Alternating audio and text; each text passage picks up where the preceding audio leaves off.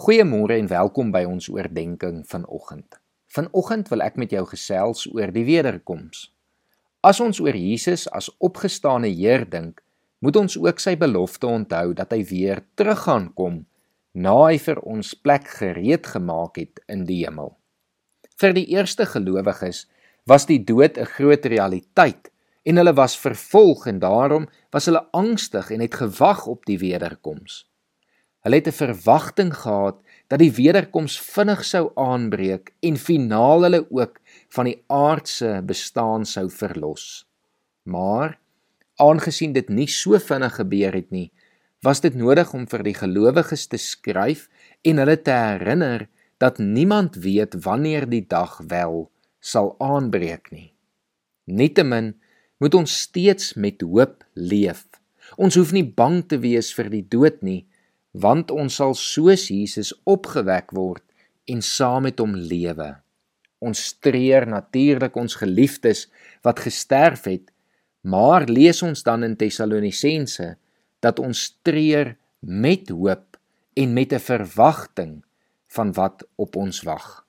Ek lees vanoggend vir ons 1 Tessalonisense 4 vers 13 tot en met hoofstuk 5 vers 11 voor wat hierdie baie mooi verduidelik.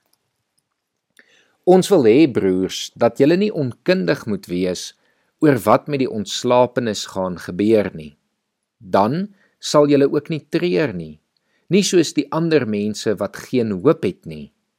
Ons glo immers dat Jesus gesterwe, maar ook opgestaan het. Net so glo ons ook dat God saam met Jesus die ontslapenis wat in hom geglo het, na hom toe sal neem. Dit sê ons vir julle op grond van wat die Here gesê het. Ons wat bly lewe tot met die wederkoms van die Here, sal die ontslapenis hoegenaamd nie voorwees nie.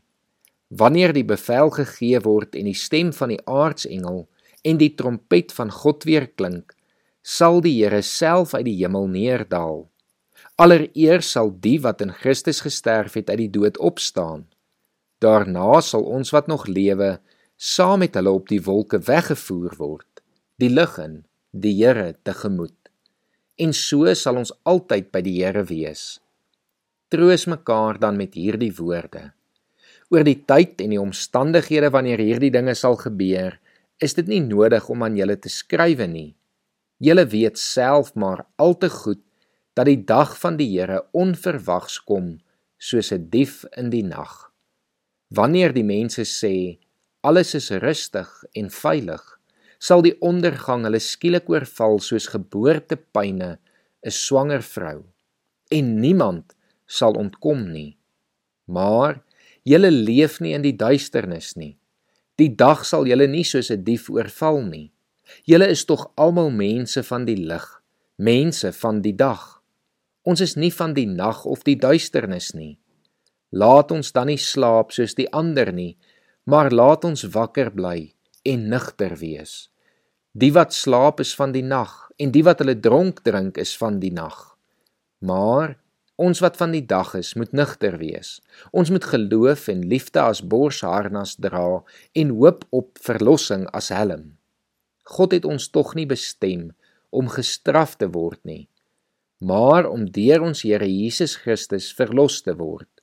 Hy het ter wille van ons gesterwe sodat ons of ons by sy koms nog lewe of reeds dood is, saam met hom kan lewe. Praat mekaar dan moed in en versterk mekaar dan met hierdie woorde, soos julle trouens reeds doen. Kom ons bid saam. Here, dankie dat ons met hoop kan lewe. Here, dankie dat ons kan weet dat U eendag weer terug gaan kom. Maar Here, dankie dat ons kan weet of ons nou hier lewe en of ons eendag by U gaan lewe. Bly dit ons begeerte om volgens U wil te lewe en U te verheerlik, Here. En Here, help ons dan om dit dag vir dag te doen. Help ons dan om in die ewige lewe wat U vir ons moontlik gemaak het, nou al reeds in volheid te leef. Ons bid dit in Jesus se naam. Amen.